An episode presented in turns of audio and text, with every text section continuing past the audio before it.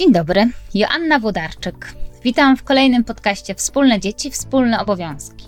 Dzisiaj rozmawiam z położną Olą Leśniewską ze Szkoły Rodzenia Zaufaj Położnej o tym, jak wygląda opieka okołoporodowa oraz jaka jest w niej rola taty. Zapraszam serdecznie. Podcast Wspólne Dzieci, Wspólne Obowiązki. Rozmawiamy o partnerstwie w związku, dzieleniu się opieką nad dziećmi i obowiązkami domowymi oraz o innych wyzwaniach i przyjemnościach rodziców. Dzień dobry, witam serdecznie. Jeszcze raz bardzo dziękuję, że zgodziła się Pani ze mną porozmawiać, bo to bardzo ważny temat. Temat tego, jak wygląda sytuacja kobiet po porodzie, zaraz po porodzie, jaka jest tutaj rola taty. No i właśnie na początek mam takie pytanie, jak pani uważa, czy zauważa pani jakąś taką zmianę w ciągu ostatnich lat, jeżeli chodzi właśnie o te kwestie zajmowania się kobietą po porodzie, nie dzieckiem właśnie, ale kobietą, tego jak tutaj występuje podział ról, kto wspiera te kobiety w obecnych czasach? Myślę sobie, że na przestrzeni ostatnich lat bardzo dużo się zmieniło i nie wynika to tylko i wyłącznie z jakby kwestii powiedzmy zmian rodzinnych, bo jednak tutaj te zmiany pokoleniowe bardzo są widoczne, ale też kwestia prawna się tutaj na pewno mocno klaruje, biorąc pod uwagę fakt, że mamy coraz więcej aktów prawnych, które gdzieś um, weryfikują tą e, opiekę okołoporodową. Mam tutaj myśli standard opieki okołoporodowej, który też docelowo zakłada obecność osoby towarzyszącej chociażby w trakcie samego porodu obecność, czy w ogóle wpuszczenie partnerów na e, salę porodową też jakby warunkuje wstęp do tej opieki okołoporodowej, ale też właśnie tej po porodzie względem, względem mam. I rzeczywiście ta zmienność ról, różnego rodzaju obowiązki, którymi zaczęłyśmy się jako kobiety dzielić z, e, z partnerami, rzeczywiście jest tutaj bardzo bardzo widoczne, co mnie osobiście bardzo cieszy, bo patrząc na nasze pokolenie, mierzymy się z różnymi rzeczami, z którymi nasze mamy, nasze babcie no nie miały w ogóle styczności, tak? Myślę tutaj o takim dążeniu do perfekcjonizmu. Kiedyś tego, mam wrażenie, nie było, a przynajmniej nie było w takim zakresie. Teraz jednak do tego macierzyństwa, rodzicielstwa w ogóle jako takiego podchodzimy troszeczkę w inny sposób, więc y, myślę sobie, że, że ta obecność partnerów jest tutaj kluczowa. Natomiast to, żeby panowie, partnerzy, osoby towarzyszące mogły swoją rolę spełnić w odpowiedni sposób, też muszą mieć dostęp do tego, żeby się do tego dobrze przygotować. Bardzo często spotykam się niestety nadal z takimi sytuacjami, gdzie my jako kobiety czegoś oczekujemy, że pacjentki jakby mają wrażenie, że nasze myślenie, tak samo jak myślenie partnerów jest takie samo, po czym się okazuje, że tutaj pojawia się pewnego rodzaju rozjazd. I panowie, pomimo tego, że zostali właśnie gdzieś tutaj włączeni do tej opieki okołoporodowej, no to po prostu nie mają skąd tej wiedzy czerpać. Tak jakby kobiety rodziły od zarania dziejów, panowie stosunkowo zostali wpuszczeni niedawno w ten, w ten cały proces. I myślę sobie, że właśnie naszą rolą jako rolą specjalistów jest to, żeby również takie osoby towarzyszące przygotować do tej roli, ponieważ ona jest rzeczywiście bardzo znacząca. Mhm. Ale tutaj Pani mówi o mm, przygotowaniu na przykład y, poprzez udział w szkole rodzenia? Chociażby, tak, zdecydowanie. Natomiast myślę sobie też o um, takim przygotowaniu właśnie po porodzie, bo mhm. rzeczywiście, mhm. czy takim wstępie do tej opieki po porodzie, bo szkoła rodzenia to jest jedna kwestia i nie mam wątpliwości, że ona bardzo dobrze przygotuje w kontekście takim e, praktycznym, tak? Czy tutaj właśnie opieki w trakcie samego porodu, żeby panowie też e, wiedzieli, kiedy finalnie ten poród się rozpoczyna, bo, e, że tak powiem, poród w rzeczywistości, a poród w e, realiach filmowych to są zupełnie dwie różne rzeczy a stąd właściwie czerpią głównie wiedzę, no bo właściwie skądinąd. Ale myślę sobie też właśnie o mm, zebraniu takiego, powiedzmy, teamu, który będzie wspierał właśnie zarówno e, samą pacjentkę po porodzie, jak i właśnie partnera w, w tym całym procesie, więc myślę tutaj też właśnie o takim świadomym wyborze e, położni środowiskowo-rodzinnej która tak naprawdę powinna być takim fundamentem e, takiej naszej, no powiedzmy, takiego naszego spokoju psychicznego po porodzie, bo wiadomo, że każdy tutaj będzie chciał, e, że tak powiem, służyć najlepszą opieką. Myślę tutaj chociażby o e, osobach z rodziny, no bo wiadomo, że nasze mamy, nasze babcie rodziły dzieci, wychowywały dzieci i tak dalej. I jakby zupełnie naturalne jest to, że czują się też może trochę pewniej w. Opiece nad dziećmi niż e, świeżo upieczeni rodzice, zwłaszcza jeżeli mówimy tutaj o porodzie pierwszego dziecka. Natomiast nie mam wątpliwości, że właśnie różnice chociażby w pielęgnacji, czy właśnie w takich e, kwestiach prawnych, no są bardzo, bardzo znaczące i tutaj nie myślę tylko i wyłącznie o przestrzeni wielopokoleniowej, myślę o, o ostatnich dosłownie kilku latach, to jest, jest coś, co, czego nasi dziadkowie, nasi rodzice nie muszą w żaden sposób nadganiać, natomiast rzeczywiście my musimy mieć jakby taką, taki fundament swój, taką osobę, do której zawsze możemy się zgłosić, zawsze możemy napisać chociażby tego jednego SMS-a, tak żeby się upewnić, że po prostu robimy wszystko dobrze, bo niepewność, no, zakładam, że pojawi się w mniejszym bądź większym stopniu u każdego z nas. Mhm. A jeszcze chciałam dopytać o te szkoły rodzenia. Czy to jest tak, że faktycznie y, partnerzy y, zawsze się pojawiają na tych szkołach rodzenia, czy jakoś y, są do tego zachęcani, czy jest jakaś szczególna, nie wiem, komunikacja do nich? Jak to wygląda z tymi szkołami rodzenia i partnerami? Bardzo różnie, ze względu na to, że jakby mm, z mojej perspektywy wygląda to zupełnie inaczej, biorąc pod uwagę fakt, że ja pracuję w szkole rodzenia, która jest jakby stricte szkołą prywatną, czyli jakby mhm. my nie mamy w ogóle mm, kontaktu z Narodowym Funduszem Zdrowia, Mam natomiast kontakt z pacjentkami, które przez e, taką szkołę rodzenia, przez Narodowy Fundusz Zdrowia przeszły. To nie chodzi o to, że to jest opieka gorsza. Bardziej chodzi mi o to, że właśnie ten dialog jest troszeczkę rzeczywiście inny. My przez e, opiekę prywatną możemy sobie pozwolić na to, żeby właśnie część naszych komunikatów e, przetransferować głównie właśnie do osób towarzyszących. Stąd bardzo rzadko zdarzają mi się sytuacje, gdzie nie mam pary na szkole rodzenia. Raczej, raczej myślimy tutaj o, o parze. Do tego stopnia, że nawet jeżeli gdzieś partner e, sam w sobie na szkołę rodzenia nie przychodzi z różnych względów, najczęściej jest to kwestia pracy, bo jest akurat na morzu jako, jako osoba pracująca na statku, czy cokolwiek innego się dzieje, e, to najczęściej e, dziewczyny e, gdzieś proszą na przykład siostrę albo mamę, żeby przyjść na szkołę rodzenia. Bardzo często widzę też właśnie tą zamianę na zajęciach głównie laktacyjnych, że na wszystkie zajęcia przychodzę z partnerem, a na zajęcia laktacyjne przychodzę z mamą, bo partner to tak może z tą laktacją nie będzie miał wiele do czynienia, z czymś absolutnie się nie zgadzam. Natomiast widzę, że dziewczyny podchodzą właśnie do tego w ten sposób, że no bo mama to mi zawsze gdzieś tam tyle o tej laktacji opowiadała, to ja chcę, żeby ona była jakby e, na bieżąco z różnymi nowinkami i tak dalej, więc to jest akurat fajne. Natomiast e, jeżeli chodzi o partnerów, no ja mówię, najczęściej mam do czynienia z parami, natomiast e, jakby to podejście w, stosunku do tych zajęć na pewno zmienia się z, z spotkania na spotkanie. Czyli na pierwszych zajęciach wiadomo, że każdy przychodzi tak e, no, bardzo niepewnie, się zawsze śmieje z, z kursantami, że wyglądają jak studenci przy dziekanacie, bo dosłownie tak z taką totalną niepewnością, nie wiedzą, czy mogą wejść, czego się tam spodziewać i tak dalej. Natomiast zawsze gdzieś tam mamy swoje sposoby, żeby troszeczkę zintegrować grupę, rozruszać ich e, również w takim wewnętrznym dialogu, więc e, wychodzi nam to całkiem nieźle.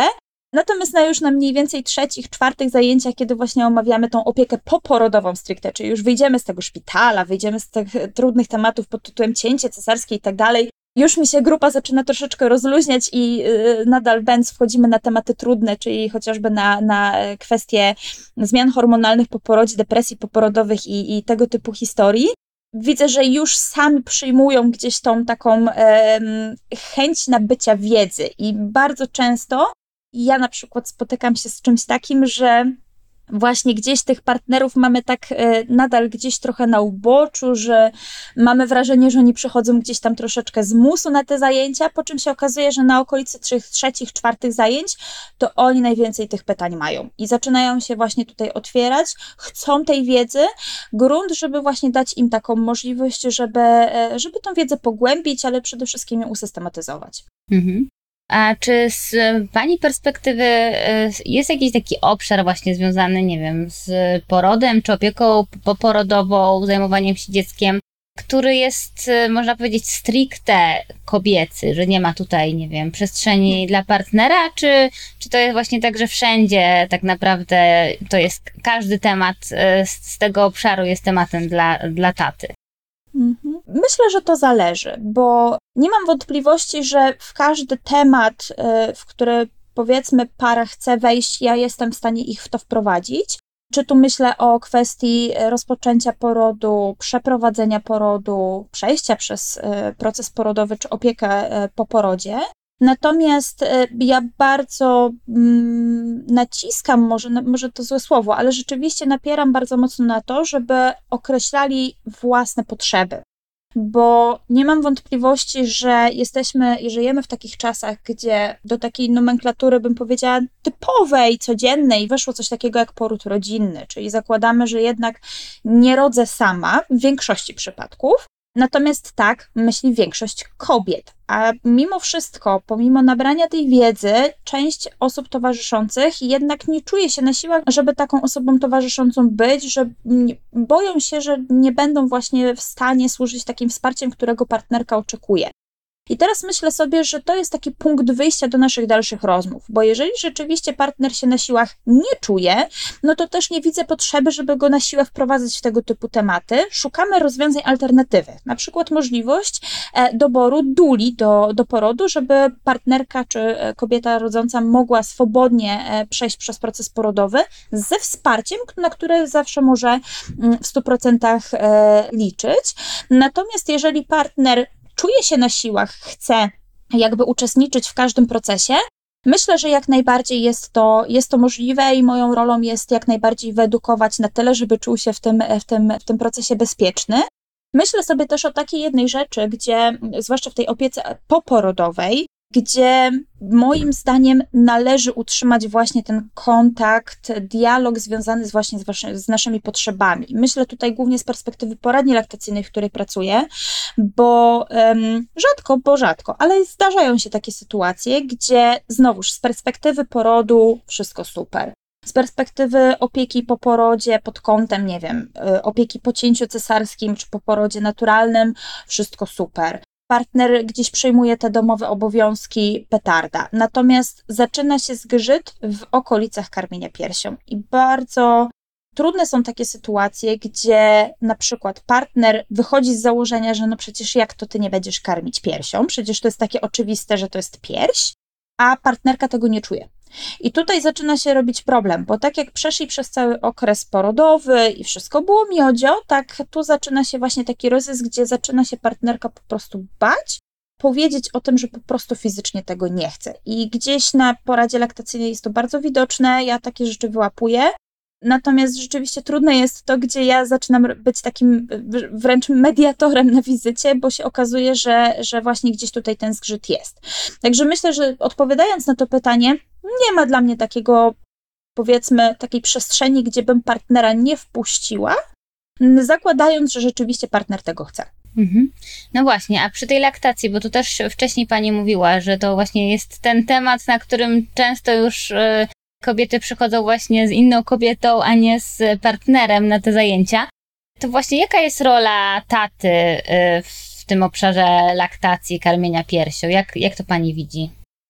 Przede wszystkim myślę, że tutaj Fakt. Ja się zgodzę, że w kontekście gdzieś y, y, może organizacyjnym jest to bardzo trudne i y, myślę, że jest to taki najtrudniejszy obszar, gdzie wprowadzamy właśnie osoby towarzyszące. no bo tak jak pielęgnacja, czy gdzieś tutaj opieka nad noworodkiem, to jest, to jest jakby, zaczyna być dla partnerów oczywiste, że oni muszą w to wejść. Laktacja zaczyna być takim momentem, gdzie dobra, dobra, ja już poród ogarnąłem, ogarnąłem szpital, ogarnąłem dziecko, to jakby laktacja jest na twojej głowie. No nie do końca, bo bo um, bierzemy pod uwagę, że żyjemy w czasach, gdzie niekoniecznie chcemy się zamykać w domu, gdzie rzeczywiście mamy takie poczucie, że mamy możliwości, żeby wyjść z domu, żeby powiedzmy, będąc świeżo upieczoną mamą, dalej studiować, jeżeli jest to możliwe z perspektywy logistycznej, ale rzeczywiście nie mam wątpliwości, że tutaj bardzo duża mm, rola jest właśnie w tym momencie partnera, żeby gdzieś mimo wszystko przejąć część właśnie opieki związanej z żywieniem dziecka.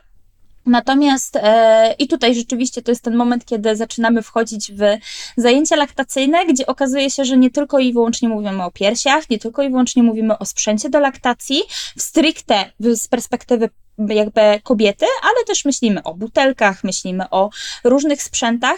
Ja bardzo technicznie podchodzę do tych zajęć, bo wtedy widzę, że partnerzy są bardziej zainteresowani pod kątem chociażby kosztowym, tak? To, to jest jednak e, taki element, gdzie tego sprzętu zaczyna się pojawiać bardzo dużo i jak zaczynamy mówić o sprzęcie pod tytułem podgrzewacze do butelek, do mleka, e, sterylizatory do butelek i tak dalej, i tak dalej, to zaczynają im się po prostu pojawiać cyfry i, i rzeczywiście gdzieś tam bardziej e, aktywnie w te zajęcia, w tych zajęciach uczestniczą. Natomiast z perspektywy mojej, czysto logistycznej, ja bardzo wprowadzam partnerów chociażby w kwestie techniczne laktacji, ze względu na to, że e, okej, okay, może partnera nie będzie w szpitalu, tak żeby docelowo przez pierwsze dwie doby wspomagać partnerkę, bo sytuacja w różnych placówkach wygląda po prostu bardzo odmiennie. Natomiast w tym momencie kobieta wraca do domu, wraca do domu z dzieckiem i nagle zaczynają się pojawiać problemy typu plecy mnie bolą, typu bolą mnie barki, gdzieś tutaj ten nadgarstek mi gdzieś zaczyna mocno doskwierać. E, problem polega na tym, że jeżeli my nie ogarniemy dobrze technicznie e, samego karmienia piersią, mam tutaj na myśli prawidłowej pozycji takiej mamy przy karmieniu, to zaczynają się piętrzyć problemy związane z właśnie tym okresem połogowym, czyli właśnie bóle pleców, bóle kręgosłupa, zaczyna się to nawarstwiać. I jeżeli rzeczywiście partner wdroży się w ten proces karmienia piersią pod kątem czysto technicznym, spojrzy jako obserwator, że coś w tej pozycji jest nie tak, to będzie w stanie po prostu na to zareagować. Jeżeli nie będzie uczestniczył w takich zajęciach wcześniej i nie dowie się tego, no bo znowuż skąd ma to wiedzieć, jak nie ze szkoły rodzenia, to nie będzie po prostu miał realnej szansy na to, żeby w odpowiednim momencie i w odpowiedni sposób zareagować. Dlatego też no w poradni laktacyjnej jest to bardzo widoczne. Jak spotykam się z moimi parami, e, które miałam przyjemność przygotowywać do tego okresu e, okołoporodowego i, i połogu, to od razu widać, kto, e, że tak powiem, naciskał na to, żeby się w poradni laktacyjnej pojawić. Najczęściej są to właśnie panowie, którzy byli na zajęciach z laktacji. Rozumiem, czyli też w takiej sytuacji, kiedy się pojawia jakiś kryzys, a wiemy, że przy laktacji te kryzysy się pojawiają często, to też dobrze mieć osobę, która wie, co zrobić w takiej sytuacji, tak? E, że, I że, i że jak, się, jak się zachować, a z drugiej strony też rozumiem, e, pani mówiła też o tym, że karmienie piersią nie wyklucza tego, żeby właśnie na przykład e, partner karmił, nie wiem, odciągniętym mlekiem, a partnerka mogła wyjść na chwilę, na chwilę z domu i, i w związku z tym też lepiej, żeby wiedział co i jak, tak? Zdecydowanie. I myślę sobie, że ta wiedza daje im też poczucie tego, że oni się tego przestają bać, bo jeżeli rzeczywiście powiedzmy, nawet byłaby sytuacja, która by wymagała jakby wykorzystania takiej możliwości, tak? Czyli nie myślę tutaj o sytuacji chęci, ale na przykład, no nie wiem, jestem mamą trzy tygodnie po porodzie, zaczyna boleć mnie ząb, muszę iść do dentysty. No to nie jest jakby decyzja, powiedzmy, rezygnuję z, ze zrobienia sobie, nie wiem, manikiru hybrydowego, tylko fizycznie muszę po prostu iść do lekarza i zaczyna się robić jakby problem, tak? No bo finalnie nie weszliśmy w ten temat, no bo przecież chciałam karmić tylko piersią. Tutaj nie ma w tym momencie wyboru. I nagle zaczynają się robić schody, bo kobieta boi się zaprzestać karmienia piersią, powiedzmy w, w takiej sytuacji okresowej. Partner z kolei nie bardzo wie, jak się tą butelką posługiwać i zaczynają się właśnie robić, robić potężne potężne schody i trudności.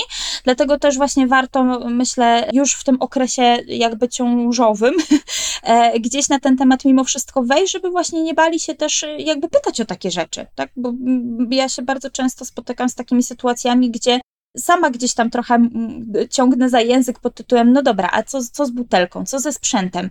No, używamy, ale, ale bar bardzo sporadycznie, bardzo sporadycznie. Ale ja nie o to pytam. Ja pytam o to, jak wy się w tym wszystkim czujecie. Bardzo często niestety spotykam się z sytuacjami, gdzie nadal ludzie podchodzą do, do nas jako do specjalistów, jako do osoby, która ma ich osądzić. A to nie jest prawda. Nie mamy prawa tego robić a znowuż jakby też ludzie podejmują różnego rodzaju kroki i decyzje ze względu na sytuacje po prostu życiowe i jakby no to jest jakby literatura literaturą, życie życiem, e, różne, różne sytuacje po prostu mogą się zdarzyć. Mhm. No tak, oczywiście. E, a tutaj Pani wspominała o tym, że też czasami spotyka się Pani z, z parami po jakimś czasie e, i chciałam zapytać, jak to wygląda, jeżeli chodzi o, nie wiem, jakieś oczekiwanie, przygotowanie, a potem rzeczywistość? Jakie są tutaj, nie wiem, wrażenia tych młodych rodziców, e, jak oni to odbierają? To jest zawsze dla mnie niesamowicie budujące.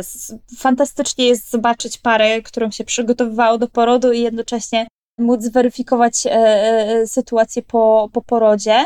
Wygląda to bardzo różnie, bo myślę, że wszystko zależy od tego, czego tak naprawdę ci rodzice oczekiwali na samym początku. I Notorycznie gdzieś e, e, zawsze się moi podopieczni po porodzie e, śmieją, że pierwsza wizyta po porodzie to jest taka na bogato, gdzieś tam ta pielęgnacja wchodzi w grę. Ja zawsze mhm. lubię przećwiczyć mimo wszystko te kwestie praktyczne już jak się dziecko w domu pojawi, bo wiadomo, że ćwiczenia na lalce dają dużo wyobraźni, natomiast no to nie jest to samo, tak? Nie jesteśmy w stanie tego tak w 100% odtworzyć. Dlatego też na pierwszej wizycie po porodzie, jeżeli mam taką możliwość, to jak najbardziej gdzieś w te kwestie takie stricte pielęgnacyjne jak najbardziej wchodzimy. Natomiast potem z wizyty na wizytę okazuje się, że jakby przechodzimy z tych kwestii praktycznych, przechodzimy oczywiście zawsze przez pytania, bo te pytania zawsze się pojawią, zawsze jest przestrzeń na to, żeby je zadać. Natomiast bardzo często właśnie kursanci zwracają uwagę na to, że po porodzie to jest głównie takie, taka rozmowa, takie przechodzisz i gadamy przy herbatce, przy kawce, tak na zasadzie, co tam u was słychać. I mówię, no tak, bo jakby moją rolą jest to, żeby dać wam właśnie tą przestrzeń na to, żebyście mogli się najzwyczajniej w świecie komuś wygadać. Ja w tym momencie też jakby realizuję swój proces diagnostyczny, bo też zwracam uwagę na ich stan psychofizyczny, zarówno kobiety po porodzie, e, jak i dziecka, ale również właśnie osoby towarzyszącej. Natomiast jakby z ich oczekiwaniami bywa właśnie bardzo różnie. Też myślę, że to, co jest najtrudniejszą rzeczą dla rodziców w obecnym świecie, to to, że mm, mamy bardzo duży dostęp do wiedzy i to jest ok, bo ja też w tej jakby wiedzy e, gdzieś funkcjonuję i, i uważam, że edukacja to jest jedna z rzeczy najważniejszych jakby w tym okresie. Z drugiej strony mamy takie poczucie, że jeżeli jesteśmy tak niesamowicie wyedukowani na takim poziomie, że nic nie jest w stanie nas zagiąć. No i potem przychodzi życie, które zagina nas tak naprawdę na każdym możliwym kroku. I myślę sobie, że jeżeli tej bariery właśnie nie przekroczą, to rzeczywiście jest nam po prostu bardzo, bardzo trudno jako młodym rodzicom, bo nagle się okazuje, że pomijając jakby równolegle z tą edukacją, która idzie bardzo mocno do przodu, z drugiej strony nie możemy gdzieś zaprzepaścić w tym, w tym czasie też takiej zgody na to, że po prostu może być bardzo różnie. Bo każde dziecko jest inne, każda sytuacja jest inna i mm, jakby w czasach, gdzie mamy tendencję jednak do bardzo dużego porównywania się z różnymi osobami, no to w tym momencie to po prostu może być dla nas bardzo, bardzo szkodliwe. I znowuż tu bardzo dużą rolę właśnie odgrywa odgrywam ja jako położna środowiskowo-rodzinna, gdzie jakby muszę gdzieś utrzymać ich na tym, jakby moich podopiecznych na tym torze ich własnej ścieżki, żeby dochodzić do wielu sytuacji albo ze mną, albo samodzielnie, e, mając na to taką wewnętrzną zgodę. Mhm. No właśnie, a czy jak są takie sytuacje, gdzie jest, nie wiem, podejrzenie depresji poporodowej, czy właśnie jakieś trudności z, takich ze zdrowiem psychicznym, to jaka jest tutaj rola partnera, mężczyzny, yy, taty? Powiem tak, z mojego podwórka, biorąc pod uwagę fakt, że ja właśnie gdzieś tam bardzo mocno tych partnerów ciągnę w okresie, w okresie ciąży, najczęściej, jeżeli jest jakaś sytuacja, gdzie podejrzewam depresję poporodową u swojej podopiecznej, to dostaję taki sygnał od jej partnera. I to jest y, dla mnie bardzo duża jakby z mojej perspektywy jest to bardzo duża korzyść, bo pracując z osobami w depresji, e, myślę, że wszyscy psychologowie mogliby się tutaj ze mną zgodzić. Najtrudniej w depresji przyznać się, że się tą depresję fizycznie ma. Dlatego też jakby kobiety rzadko gdzieś e, dochodzą do tego, że, że mają z tego typu problem. Dlatego ja zawsze też jestem właśnie na łączach z partnerami, żeby w razie czego mieli taką właśnie przestrzeń, żeby się do mnie zgłosić. Biorąc pod uwagę fakt również, że gdzieś ja też mam swoje podejrzenia i, i jeżeli gdzieś e, e, podejrzenia dwóch osób się e, składają, no to myślę, że jest to, mm, jest to na rzeczy. Natomiast przede wszystkim, jeżeli chodzi o samą opiekę partnera, dla mnie kluczowe jest przede wszystkim wiedza, żeby partner miał takie poczucie, że coś takiego po prostu może się zdarzyć. I absolutnie e, jakby najgorszą rzeczą byłoby e, podejście pod tytułem nas to na pewno nie dotyczy, bo dotyczyć to może po prostu każdego. No ale to jest jakby rzecz, którą my na pewno e, prostujemy na etapie właśnie szkoły rodzenia, na etapie ciąży jeszcze. Natomiast po porodzie, jeżeli rzeczywiście partner ma taką wiedzę, że no kurczę, to nie jest normalne, albo po prostu fizycznie coś go niepokoi, nawet jeżeli to nie jest depresja, ale cokolwiek innego, to jak najbardziej myślę, że tutaj no, główną rolą jest przede wszystkim po, o tym komuś powiedzieć. Myślę, że tutaj właśnie kluczowym elementem jest jakby wsparcie ze strony położnej, bo w tym momencie, nawet jeżeli ja nie prowadzę takich, e, takich par samodzielnie, no bo nie mam do tego odpowiednich kwalifikacji, no to nie mam wątpliwości, że my mamy troszeczkę większą styczność z takimi sytuacjami niż, e, niż e, partner mógłby mieć. Dlatego też jakby jesteśmy w stanie pokierować w odpowiednie miejsce, tak żeby tą pomoc uzyskać po prostu należycie szybko i żeby nie zrobił się z tego po prostu większy problem. Natomiast to, na co ja zwracam uwagę, to to, żeby też edukować partnerów w zakresie tego, jak z taką osobą w depresji jakby postępować. Czyli przede wszystkim znowuż nie wchodzić w kwestię oceniania. Ja wiem, że to jest bardzo trudne, no bo partner, który tej depresji fizycznie nie ma, no jego samopoczucie też jest zgoła inne niż partnerki, więc jakby może być to dla niego totalnie niezrozumiałe, że partnerka po prostu może fizycznie nie mieć siły na to, żeby wstać z łóżka i pojawia się frustracja, więc gdzieś tutaj też gdzieś rozmawiamy sobie o tym, żeby y, powstrzymać sobie te emocje, żeby gdzieś trzymać je na wodzy. Bardzo duże obciążenie dla osoby towarzyszącej, ale mimo wszystko myślę, że jakby w kwestii dobra całej, całej rodziny jest to kluczowe. No i przede wszystkim myślę, że ze względu właśnie na to silne obciążenie samego partnera, kluczowe dla mnie jest to, żeby osoba, do której ja kieruję w kontekście depresji poporodowej, czyli mam tutaj na myśli psychologa, psychoterapeutę, czy nawet psychiatrę, bo i takie sytuacje się jak najbardziej zdarzają, to żeby właśnie też e, taka osoba wzięła pod uwagę właśnie obecność partnera, żeby docelowo e, nie wykluczać go, bo mimo wszystko, nawet jeżeli sam partner nie choruje na depresję poporodową, bo i takie sytuacje się zdarzają, to nie mam wątpliwości, że w kontakcie z, stałym z osobą w depresji i również jest bardzo silnie obciążony. Mhm. No tak, a jeszcze mam takie pytanie, czy właśnie e, nawet w trakcie szkoły rodzenia, czy później, czy rozmawia Pani z młodymi rodzicami na temat e, właśnie podziału obowiązków? Czy w ogóle pojawia się ten temat e, wśród e, osób, które się spodziewają dziecka, co kto będzie robił przy dziecku? Mhm. Czy to jest taki temat, który w ogóle jest obecny? O rany, to jest, y, to jest w ogóle temat y, największych śmieszków na, w grupie na szkole rodzenia, bo zawsze jak dochodzimy do tematu pielęgnacji, to jest takie ja karmię, więc ty, ty ogarniesz pępek. E, I to jest, to jest klasyka gatunku, e, że gdzieś tam, gdzieś tam te takie kwestie typu przewijanie, pielęgnacja pępka to jest, czy kąpiel, o właśnie, schodzi na, na partnera. Myślę sobie, że, y, że tak, jakby docelowo gdzieś ja wchodzę na te tematy, biorąc pod uwagę fakt, że osoby, które spodziewają się dziecka po raz pierwszy, mogą najczęściej nie mają świadomości, jak dziecko jest bardzo. Um, jak bardzo dużo atencji wymaga. I to nie jest tylko i wyłącznie kwestia tego, że dziecko tylko je i śpi, bo e, to wszystko tak pięknie wygląda na zdjęciach i na filmach i na reklamach, natomiast fizycznie tak po prostu nie jest. I myślę sobie, że ciężko im jakby sobie to wyobrazić, no bo ja o tym oczywiście wspominam na szkole rodzenia i tak i tak widzę takie reakcje po twarzach typu dobra, dobra, nasze dziecko będzie inne. No nie, nie, nie będzie inne e, i, i zawsze tak, e, zawsze gdzieś tam ta ściana, ta ściana jest. Natomiast myślę sobie, że to jest znowuż kwestia, gdzie my musimy mocno wejść w to prawnie, co rzeczywiście rodzinie przysługuje w tym okresie okołoporodowym, y, typu no nie wiem, typu y, urlop tacierzyński, typu możliwość y, otrzymania zwolnienia czy opieki na osobę po cięciu cesarskim. Też bardzo dużo partnerów po prostu fizycznie o tym nie wie i nie, nie korzystają z tych praw, e, bo fizycznie nikt im o tym nie powiedział. A tutaj rzeczywiście nawet jakby obecność nawet przez te 7 dni w domu partnera może być po prostu kluczowa jakby w tym, w tym temacie.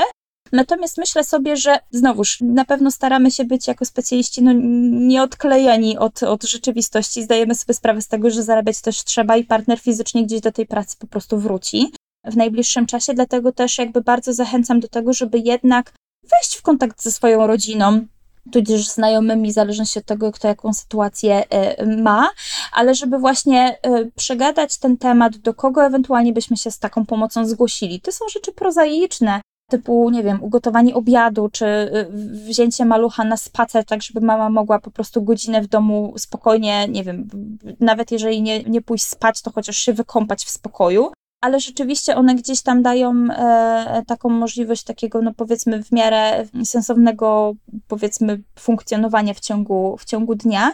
Więc myślę sobie tutaj, że jakby sam partner też, jak, jak, zaczyna, jak zaczyna do nich docierać, że urlop wychowawczy e, to tak naprawdę nie jest urlop, e, to rzeczywiście gdzieś tam zaczynają wdrażać się w, w taką pomoc pod tytułem: Dobra, to ja zadzwonię do mojej mamy, żeby ona przyszła do ciebie na godzinę, weźmie młodego na, na spacer, a ty pójdziesz się wykąpać.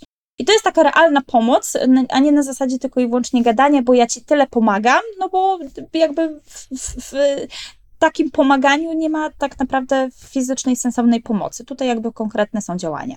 Mhm. No właśnie, a czy pojawia się taki temat w ogóle już nie, nie tyle pomagania, co takiego e, na przykład, nie wiem, zamiany ról po jakimś czasie, że na przykład mama wraca do pracy, a tata zostaje z dzieckiem, czy w ogóle ten temat, że można się zamienić tym urlopem rodzicielskim się pojawia, czy ludzie w ogóle są zainteresowani tym?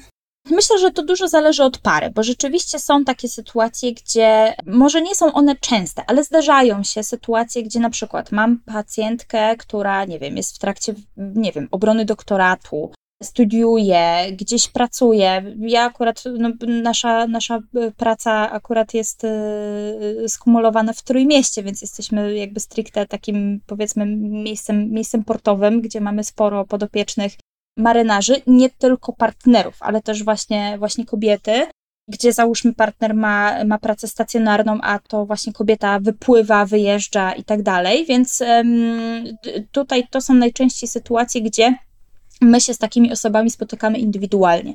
Czyli poza szkołą rodzenia mamy też możliwość wykonania takich konsultacji przedporodowych, tak żeby właśnie ogarnąć jakby tą sytuację, jak oni to widzą, i najczęściej jest właśnie y, sytuacja, gdzie dobra, to my ci przedstawimy swój plan, a ty nam powiesz, czy to wygląda i brzmi sensownie. No i okej, okay, jakby to jest coś, co, e, co mnie też, dla mnie też jest budujące, bo wiem, że jakby przegadali ten temat we własnym zakresie i też jakby mają jakąś taką wspólną, konkretną wizję tego, jakby potencjalnie to mogło wyglądać. Więc jak najbardziej, jak najbardziej tak. Zaczyna się ta świadomość tutaj powiększać, co zdecydowanie jest bardzo, bardzo budujące dla nas.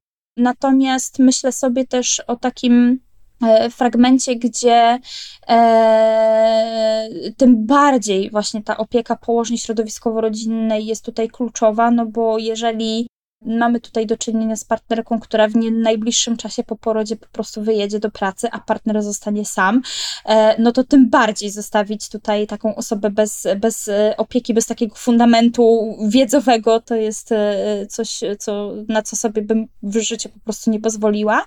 Więc tym bardziej są to takie pary, gdzie ja zabiegam o to, żeby zwrócili uwagę na to, żeby być z nami po prostu w stałym kontakcie. Mhm. No dobrze, e, to jeszcze na zakończenie mam takie pytanie. Co by Pani powiedziała właśnie, nie wiem, osobom, które spodziewają się niedługo dziecka, czy są młodymi rodzicami? Jakiś taki, nie wiem, najważniejszy przekaz, który Pani zdaniem po, powinien dotrzeć do młodych rodziców? E, o rany.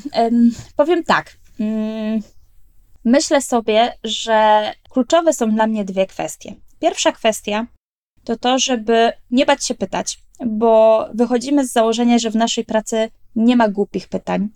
I nawet choćby to było pytanie, które się ułożyło w głowie i byłoby z perspektywy osoby posiadającej tą głowę najgłupsze na świecie, to to pytanie ma wybrzmieć, bo nasza e, świadomość i nasz spokój w tym okresie są kluczowe.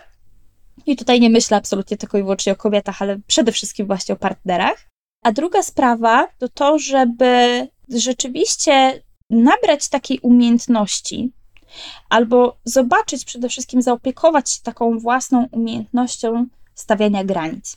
I tutaj nie myślę tylko i wyłącznie o stawianiu granic względem osób typu ciocia dobra rada, bo takich osób zakładam, że będzie po prostu w naszym środowisku cała masa, a znowuż rozmawiałyśmy o tym, że ta y, różnica wiedzy w pokoleniach jest po prostu bardzo duża, to jest wręcz y, rzędu przepaści.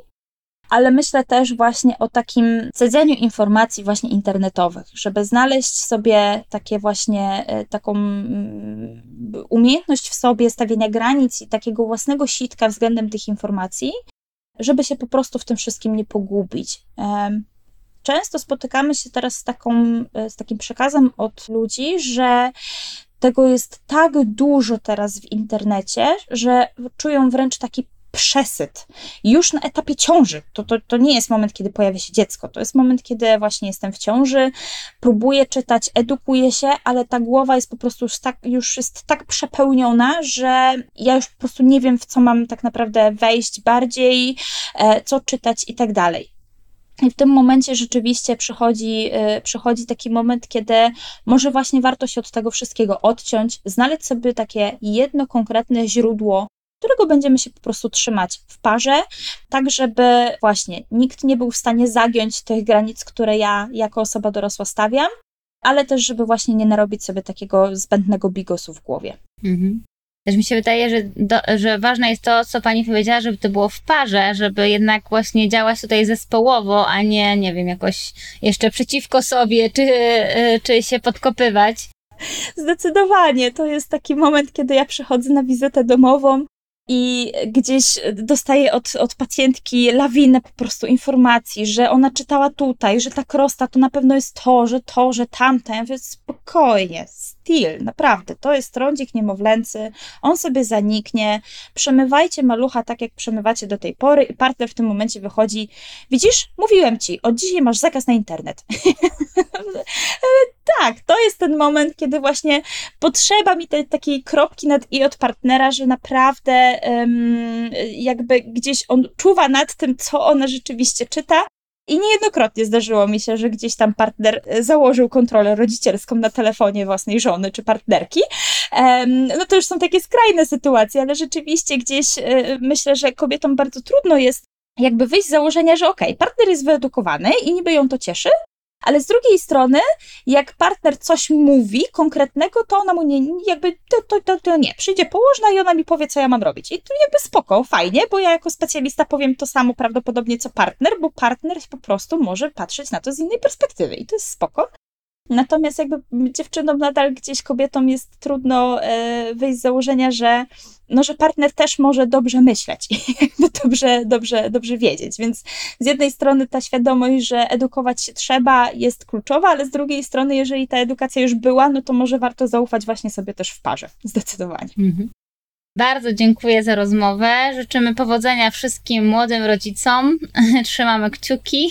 Wiemy, że jest trudno na początku, ale na pewno, na pewno dacie radę.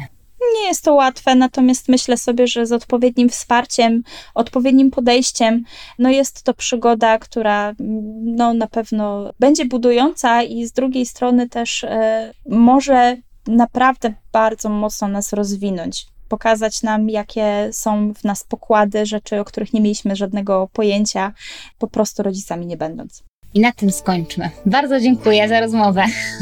Dziękuję również.